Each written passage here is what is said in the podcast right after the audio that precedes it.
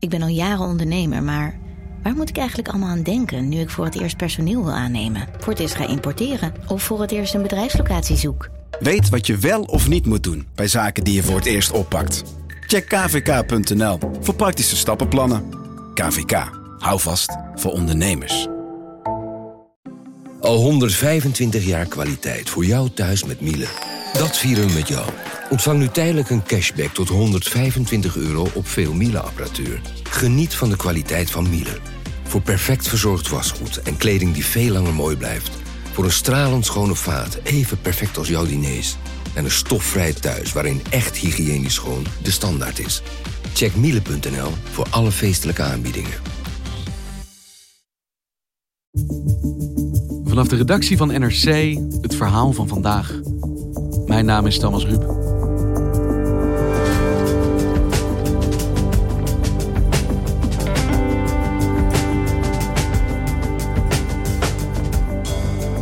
Gaan ze wel of gaan ze niet?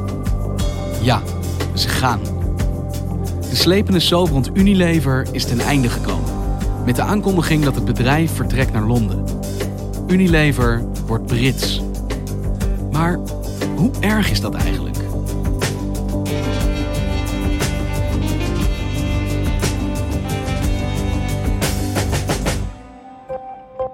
Unilever wordt op papier een Brits bedrijf. Het hoofdkantoor van het voedingsmiddelenconcern komt in Londen. Het concern achter Dove, Calvé, Unox en eh, heel veel andere merken die u in de supermarkt tegenkomt... is nu nog half Brits, half Nederlands, maar daar wil het concern dus vanaf. Since 1930, it's been a joint Anglo-Dutch operation... with its main offices in London and Rotterdam. Afgelopen donderdag kondigde uh, Unilever aan bij monden van zijn president-commissaris Niels Andersson dat het bedrijf er definitief voor kiest om naar Londen te verhuizen met zijn hoofdkantoor. En dat Unilever een Britse onderneming wordt. Menno Tamminga schrijft bij NRC over ondernemingsbeleid en economie. En dat doen ze in het kader van wat zij noemen de simplificatie van het concern. Geen Rotterdam, maar. Rotterdam, dat dat noemen die Engelsen dus voor Rotterdam. Want ze wilden daar absoluut niet naartoe. Want de afgelopen tijd als Unilever in het nieuws kwam... ik heb het gevoel het ging altijd over blijven ze, gaan ze, blijven ze, gaan ze. En nu is dus de beslissing gevallen. Ze gaan. Ze gaan. Het kabinet vindt dat jammer dat het concern liever onder Nederlandse vlag gehouden. Nou, en daarmee is een definitief eind gekomen aan een typische soapserie die jarenlang heeft geduurd. Ehm, en waar Mark Rutte, die eigenlijk de grote man was om Unilever naar Nederland te halen, ja, Baxel heeft moeten halen. Hij heeft verloren. Ja, het vertrekt, het wordt Brits. Ja, dat is vreselijk balen natuurlijk. Ja. Hij heeft dit verloren, ja. Hey Menno, waarom besluit Unilever hiertoe? Waarom vertrekken ze? Unilever is altijd een fusie geweest van een Engels bedrijf, de Lever Brothers, en van een Nederlands bedrijf, de Margarine Unie. Ze voegden die twee bedrijven eigenlijk gewoon samen, maar ze bleven apart. En dat was in die periode, 1929, 1930, in een tijd dat de economie toch wezenlijk anders was dan nu, was dat geen belemmering. Ze waren eigenlijk gewoon een soort van eenheid in verscheidenheid. het is een soort bedrijfskundige latrelatie eigenlijk die ze hadden. Dat is precies wat het is, ja. Ze werkten samen, ze waren ook samen, maar in juridische zin waren het twee ondernemingen met die twee hoofdkantoren. Het ene hoofdkantoor bleef in Rotterdam, het andere hoofdkantoor bleef in Londen. En zo groeiden ze tot eigenlijk in de loop van de jaren 90 van de vorige eeuw, toen de economie ook, ook, veranderde en bedrijven steeds meer overnames gingen doen. En Unilever was een van de bedrijven die, graag merknamen erbij kocht. Unilever heeft gisteren de duurste bedrijfsovername in de Nederlandse geschiedenis gedaan. Het bedrijf betaalde 56 miljard gulden voor het Amerikaanse voedings, voedingsmiddelenconcern Best Foods. Met die overname is Unilever nu eigenaar van merken als Knorr, Konimax en Maizena. We zijn het ons niet altijd bewust, maar Unilever is overal. S'morgens bij het opstaan begint ons Unilever leven. Dit maakt Unilever zoal Andrelon, Andy, Ben Jerry, Blueband, Calvé, Glorix, Knor, Lipton, Prodent, Unox, Zeeuwsmeisje en Zwitsal. Ze wilden graag groeien. En dan was het niet zo makkelijk om eigenlijk met twee bedrijven een overname te doen. Want met name als je zo'n overname voor een deel met aandelen wilde betalen, ja, wie moest dan die aandelen uitgeven? Het Britse bedrijf, het Nederlandse bedrijf, in welke mate? En wanneer begon dat zo op te breken? Wanneer begonnen ze te merken, dit is niet houdbaar of effectief meer? In 2017 kreeg Unilever een geweldige schok uh, toen het Amerikaanse bedrijf uh, Kraft Heinz, wat veel kleiner is dan Unilever, zonder dat Unilever daar van tevoren van op de hoogte was gesteld, ja, eigenlijk een soort van overnamebod wilde gaan doen. Kraft bood 143 miljard dollar voor Unilever en daarmee was het het hoogste bod op een Nederlands bedrijf ooit. Maar bij het voedingsmiddelenbedrijf was direct weerstand tegen de Amerikaanse overname. Want dit is een vijandige overname, noem je dat? Dat was een vijandige overname waarbij de top van Unilever uitgeschakeld zou worden. De Amerikanen zouden de macht overnemen. En bij Unilever schrokken ze zich uh, helemaal het leplazerus. Ze wilden koet koet voorkomen dat ze overgenomen zouden worden door die Amerikanen. De overname van Unilever is definitief van de baan. Het bod dat het Amerikaanse Kraft deed is door Unilever van de hand gewezen. En daarop heeft Kraft het voorstel ingetrokken. En wat betekende dat voor Unilever, dat besef, dus die kwetsbaarheid, dat er dus kapers op de kust konden zijn? Die kwetsbaarheid betekende dat Unilever in recordtempo begon om zich wat meer te gedragen als een uh, onderneming waarvoor de aandeelhouders eigenlijk de belangrijkste groep zijn. Unilever doet zijn margarines in de verkoop. Het product waar het bedrijf in Nederland groot mee is geworden. Met de verkoop van merken als Blueband, Becel en Zeeuws Meisje... en enkele andere maatregelen hoopt Unilever... een overname door een buitenlandse partij te voorkomen. Ze verkochten eigenlijk de bakermat van het bedrijf... namelijk die margarinedivisie. De opbrengst daarvan keerden ze grotendeels uit aan hun aandeelhouders. En een van de dingen die Kraft Heinz onmiddellijk zou hebben gedaan, was die ingewikkelde structuur met die twee hoofdkantoren en die twee aparte bedrijven te gaan ontmantelen. Want waarom twee hoofdkantoren als je met één ook uh, zaken kunt doen? Dat heeft Unilever dus uiteindelijk zelf ook in de praktijk gebracht. En eerst dacht Nederland in de persoon van premier Mark Rutte dat het dan wel een hele goede mogelijkheid was om het hoofdkantoor en de hele onderneming van Unilever naar Nederland te halen. Omdat het echt een prachtbedrijf is. Uh, wat zich ook inzet, niet alleen voor de producten die ze maken, maar ook om de wereld uh, milieuvriendelijker te krijgen. Productie op een moderne manier te doen.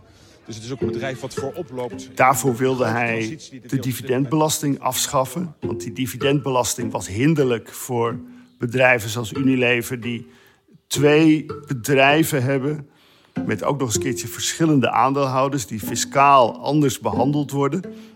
Wij nemen die maatregel omdat wij bedrijven die in Nederland zijn hier willen laten blijven. En omdat wij ook willen kijken wat mogelijk is meer bedrijven naar Nederland uh, te trekken. Maar daar was Nederland totaal niet op voorbereid. En uiteindelijk werd dat een, een, een langdurig politiek getouwtrek. Wie is hier nog voor, behalve de premier? Want ondertussen is er eigenlijk niemand in Nederland nog te vinden die dit verhaal gelooft. Waarbij Rutte veel politiek kapitaal heeft gespandeerd om die dividendbelasting afgeschaft te krijgen. Mensen hebben gewoon bijna vaak geen geld meer. En dan komt u met een macro-economisch verhaal over Shell en Unilever. Dat snappen mensen niet. Geef ze hun geld terug. Echt, vanochtend moest ik iemand, een, een, een kleuter, naar zijn schoolreisje brengen. Die was minder aan het drammen dan de premier op dit moment hier doet. We hebben drammen net een afspraak gemaakt, meneer Klaver. Maar nog voordat het zover was, besloot Unilever al om toch niet naar Rotterdam te gaan. Het Brits-Nederlandse bedrijf Unilever gaat toch niet het hoofdkantoor in zijn geheel in Rotterdam huisvesten. En de belangrijkste reden daarvoor was dat Britse beleggers van Unilever eigenlijk gewoon extra geld wilden hebben om toe te stemmen in die verhuizing naar Rotterdam. En Unilever wilde dat geld niet betalen. Dus Unilever heeft het toen zelf maar ongedaan gemaakt, dit hele plan. En daarna is die dividendbelasting ook nooit meer uh, aan de orde geweest. Want die bleef zoals die was. Hadden we dan toch die dividendbelasting moeten? Ik ga daar niks meer over zeggen. Ik heb daar alles over gezegd. Want waarom is het voor Nederland belangrijk om een hoofdkantoor hier te hebben? Of gezien te worden als een land waar hoofdkantoren zich willen vestigen? Wat maakt dat uit? Nederland heeft van oudsher een, een meer dan gemiddeld aantal grote internationale ondernemingen die hier hun hoofdkantoor uh, hebben. En hoofdkantoren zijn in een aantal opzichten hele aantrekkelijke bedrijfsafdelingen eigenlijk om binnen je grenzen te hebben. Uh, ze zorgen voor eigen werkgelegenheid. Dat is meestal ook internationale werkgelegenheid. Voor buitenlandse werknemers en voor Nederlandse werknemers. Ze hebben behoefte aan allerlei soorten van dienstverlening. Of het nou van banken is, of van fiscalisten, of van juristen.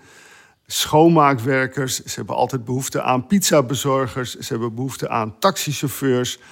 Ze zijn dus goed voor je banengroei, zowel van hoog als van laag uh, opgeleid. En ze, ze trekken ook weer nieuwe hoofdkantoren aan.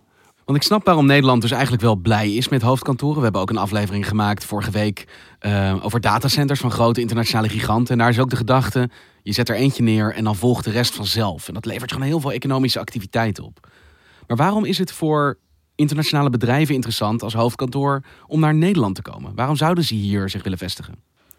Het grappige is dat die, die datacenters, waar je het net over had, die spelen daar wel een rol in. Omdat ze uh, digitale verbindingen met de hele wereld onderhouden. En een goede digitale infrastructuur, daar kun je ook mee pronken, om het zo maar te zeggen, als Nederland. Je kunt tegen buitenlandse bedrijven zeggen: wij hebben Schiphol.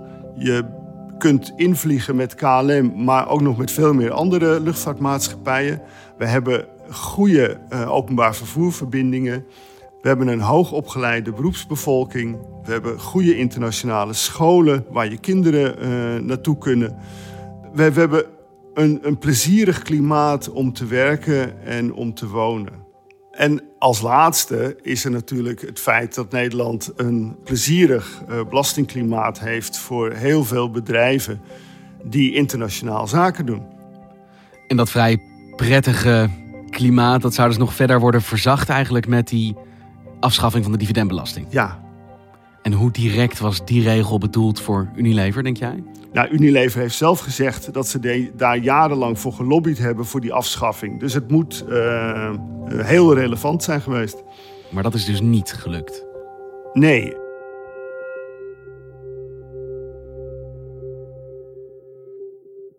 Maar hoe erg is het dat Unilever vertrekt? Hoe erg is het voor Nederland, voor de Nederlandse economie? Voor de Nederlandse economie in het grote geheel maakt het helemaal niks uit. Daarvoor is zo'n hoofdkantoor echt te klein. Het heeft symbolische betekenis, omdat Unilever die 90 jaar historie nu afbreekt uh, in Nederland. Maar je zult dit niet terugzien in de cijfers van het CBS over de Nederlandse economische groei of de omvang van de Nederlandse economie. Uh, hooguit in de werkgelegenheidscijfers van Rotterdam. Maar jij kijkt er als economisch commentator niet naar en denkt: dit was een zwarte bladzijde uit de Nederlandse geschiedenis afgelopen donderdag? Nee, ik was uh, verrast dat het nu gebeurde. Maar ik was eigenlijk veel meer verrast door iets wat op dezelfde dag gebeurde. er is ook een hoofdkantoor dat in Nederland blijft. De nieuwe onderneming die ontstaat nu het moederbedrijf van maaltijdbezorger Thuisbezorgd. Een enorme overname doet in Amerika. Daarmee ontstaat een van de grootste maaltijdbezorgers ter wereld. Het verhaal van thuisbezorgd.nl is het verhaal van alleen maar groeien. Het Nederlandse bedrijf Just Eat Takeaway, uh, dat iedereen misschien kent van de merknaam Thuisbezorgd, deed een van de grootste overnames van de afgelopen tien jaar van een Nederlands bedrijf in Amerika. Nu zijn ze een van de, of de wereldmarktleider buiten China. Dus Nederland heeft weer een, een echt een wereldspeler met zijn hoofdkantoor in Amsterdam, geleid door een Nederlander die het bedrijf nog heeft opgericht, uh, ruim twintig jaar geleden. En ik denk dat Nederland veel meer heeft aan dat soort groeiende ondernemingen. dan aan een half hoofdkantoor van Unilever. Want terwijl de rest van alle media bezig waren met Unilever, het waren voorpagina's, het ging er op het journaal over, zeg jij, kijk nou naar dat andere bedrijf. Ja, eigenlijk is wat er in die thuisbezorgde economie en wat er in de digitale economie gebeurt op dit moment, is voor Nederland veel belangrijker, omdat dat de toekomst bepaalt. Daar zit de groei uh, van het bedrijfsleven, daar zit de groei van de economie. Ja, en die zullen, als ze blijven groeien, ook meer behoefte hebben aan alle soorten en maten van dienstverlening die er om die hoofdkantoren heen hangt. Dus wat dat betreft zijn dat de, eigenlijk de Unilevers van nou ja, het tweede deel van de 21ste eeuw straks. En aan wie denk je dan? Over, over Just Eat Takeaway, uh, maar ook bijvoorbeeld over uh, Adyen. Dat is een uh, bedrijf dat bijna niemand kent, denk ik. Omdat het levert geen producten of diensten die je, die je in een supermarkt kunt, kunt kopen. Maar zij verzorgen het betalingsverkeer voor heel veel webwinkels en, en, en andere detailhandelsbedrijven. Want dat is een bedrijf dat diensten aanbiedt waar we allemaal waarschijnlijk wekelijks, misschien dagelijks van gebruik maken. Maar je kent het niet bij naam in veel gevallen. Iedereen zal er op een gegeven moment wel uh, gebruik van maken. Maar het is nog geen grote naam. Het bestaat ook nog niet zo lang. Dus zij faciliteren eigenlijk als een high-tech bedrijf de hele web-economie. En dat is een, dat is een Nederlands bedrijf wat, wat heel snel groeit. Echt een beleggerslieveling is geworden. En dat zet op termijn, denk ik, uh, echt zoden aan de dijk. Dus we kunnen het heel lang hebben over wat we verliezen met Unilever. Maar jij zegt, kijk ook meer naar wat we eigenlijk hier hebben. Wat hier aan het groeien is op dit moment. Dat is absoluut waar. Je, moet, je, moet, je kunt wel jammeren over wat er niet is. Maar het is veel uh, slimmer en uiteindelijk ook bevredigender om te zien wat er wel is. En in hoeverre je die ondernemingen op een of andere manier kunt, kunt helpen uh, of in staat kunt stellen om de groei te realiseren die Unilever in de vorige eeuw heeft gerealiseerd. Dan kom je natuurlijk op de volgende vraag eigenlijk uit. En dat is: blijven deze bedrijven ook in Nederland als ze blijven doorgroeien? Want vanuit de politiek, in ieder geval vanuit Mark Rutte, hoor je natuurlijk constante zorg. We moeten wel Nederland als aantrekkelijk vestigingsklimaat houden. Eigenlijk de enige manier op die hoofdkantoren van die bedrijven te verliezen is wanneer ze overgenomen worden of wanneer ze zelf gaan fuseren en daarbij hun hoofdkantoor verplaatsen naar het land waar die fusiepartner uh, in zit. Ja, dan moeten ze kiezen Nederland of een, uh, of een uh, ander land. En ja, wat Nederland natuurlijk toch nog weer altijd voor heeft, is waar we het eerder over hadden, die fiscale voordelen. Ja, dat is absoluut een, een plus in dit soort situaties.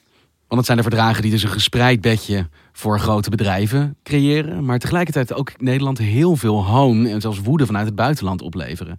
En denk jij echt als wij daar gehoor aan zouden geven en we zouden dit veranderen, verliezen we dan deze bedrijven? En... De bedrijven die hier zijn opgegroeid, dus ik zou maar zeggen de multinationals van, van, van eigen kweek. Daarvoor speelt dat denk ik uh, niet zo'n grote rol. Die zullen niet zo snel weggaan.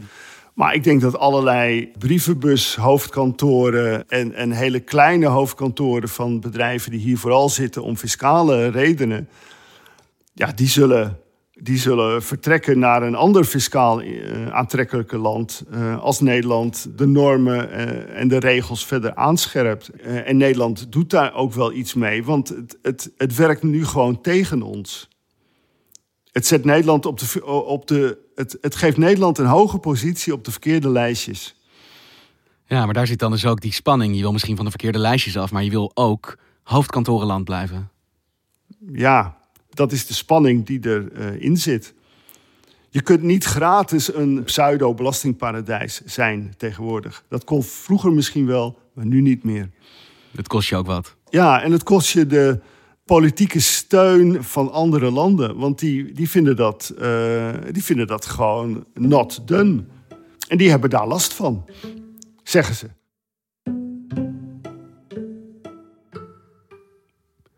En dat Unilever nu vertrekt. Jij zegt dat bedrijf is natuurlijk alom tegenwoordig in alles wat we kopen, eten, gebruiken in huis. Gaan wij daar als niet-werknemers van Unilever nog iets van merken? Of verandert er voor ons als consumenten niet zo heel veel? Er verandert voor ons als consumenten helemaal niets. Dat is wel het laatste wat Unilever wil. Uh, dat je daar op een of andere manier last van hebt. Want ja, wat, wat consumenten kopen, dat is uiteindelijk de omzet en de winst van uh, Unilever. Uh, dus daar hoef je, als je daar zorgen om zou maken, dan is dat niet nodig. Dankjewel, Menno. Dankjewel, Thomas.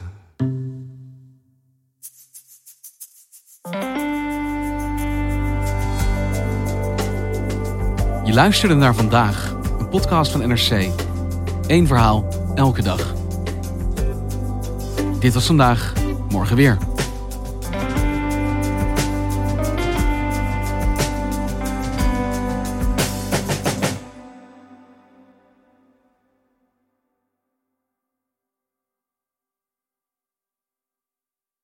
Technologie lijkt tegenwoordig het antwoord op iedere uitdaging. Bij PwC zien we dit anders. Als we de potentie van technologie willen benutten, kunnen we niet zonder een menselijk perspectief. Human-led, tech-powered noemen we dat. Ga naar pwc.nl.